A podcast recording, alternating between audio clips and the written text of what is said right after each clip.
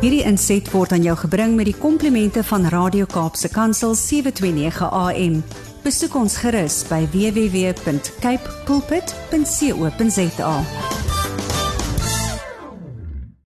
Hallo Gilma, ek hoop dit gaan goed met jou en met die luisteraars dat julle 'n goeie dag sover het en 'n goeie week sover het. Ehm um, vandag wil ek bietjie gesels oor uh ietsie wat belangrik is uh, veral vir my nou in my lewe en dit was net goed geweest vir my verlede week om net weer herinner te raak daaraan. Maar ek dink dit is so belangrik op ons pad in leierskap en hoe ons as leiers na onsself moet kyk, maar ook moet fokus uh op mense om ons en hoe ons werk om 'n verskil en impak te hê in ons omgewing waar ons is. Uh, maar net so voor ek met dit um, oor die tema gesels, wil ek weer net ons definisie van leierskap herhaal want dit is so fondasie van alles wat ons doen. En dit gaan daaroor dat uh, ons as dat ons ons neem die aanvaarding dat alle mense in die lewe invloed en impak het.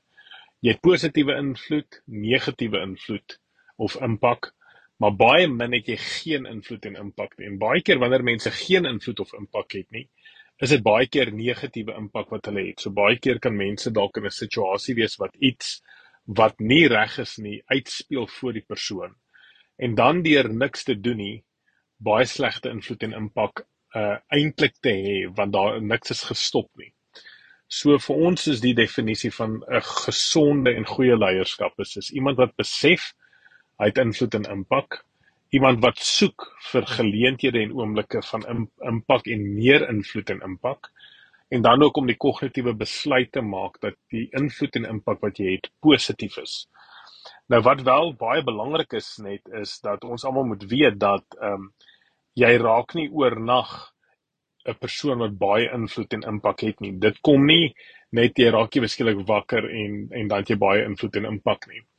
Uh daar is wel oomblikke en momente wat 'n mens baie keer massiewe invloed en impak kan hê. Byvoorbeeld uh uh as jy sien maar in die straat loop en jy sien twee kinders beklei met mekaar Wat is jou reaksie met daai? Besluit jy om te stop en met die kinders te praat en te probeer uitsorteer of ry jy net verby? Of ehm um, uh jy wat is daai reaksie?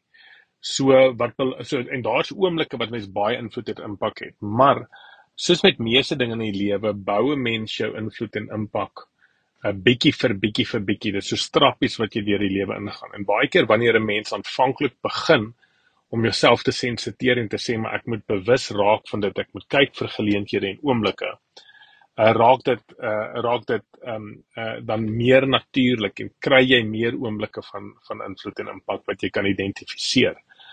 Maar om daar te kom is dit baie belangrik dat ons as leiers moet oefen en ons moet gereeld vir ons areas waar ons moet beter raak en in in skerper moet raak baie doelbewus tye van gekonsentreerde oefening identifiseer en op sy sit. En dit kan op baie maniere wees. Dit kan een wees en net sê, "Goed, kom ek sensiteer myself nou vir hierdie volgende uur om te kyk waar kan ek positiewe impak hê in my omgewing waar ek beweeg."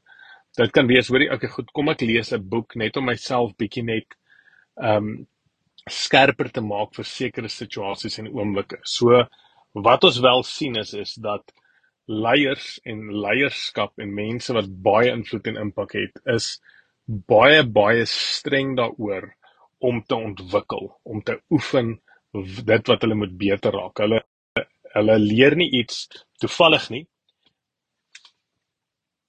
Hulle iets toevallig nie, ekskuus. So. Hulle leer nie iets toevallig nie.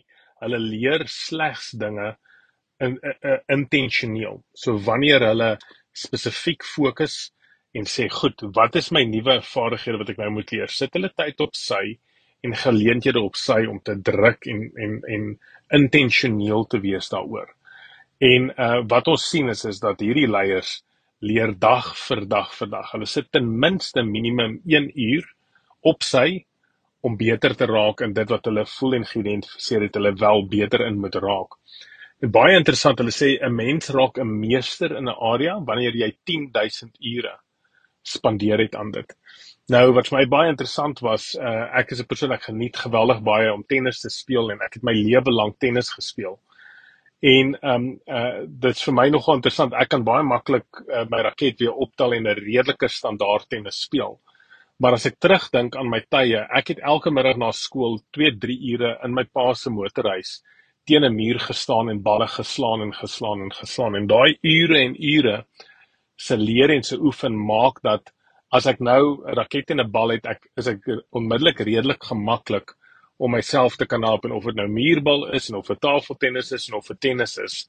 Daai ure se investering wat ek gedoen het jare terug het nog steeds dividende wat dit uitbetaal. En ek wil maar net vir die leiers daar buite regtig waar net aanmoedig dat die areas wat jy graag beter in wil raak en jy as leier wil ontwikkel, maak tyd, sit tyd op sy om dit te oefen en sodoende en wanneer jy oefen, sal jy definitief die resultate van dit sien as jy deursit en jy maak erns daarmee. So ons bid geweldig baie vir julle.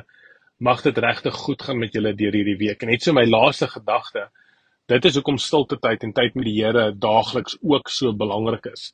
Dit is dit is 'n 'n 'n tyd wat jy op op in plek moet sit om seker te maak dat jy bietjie vir bietjie vir bietjie uh tyd op sy sodat jou verhouding en en hoe jy ook vir God leer ken en sien hoe wat God gedoen het meer en meer en meer elke dag het meer deel van ons lewens raak. So maak baie erns hiermee.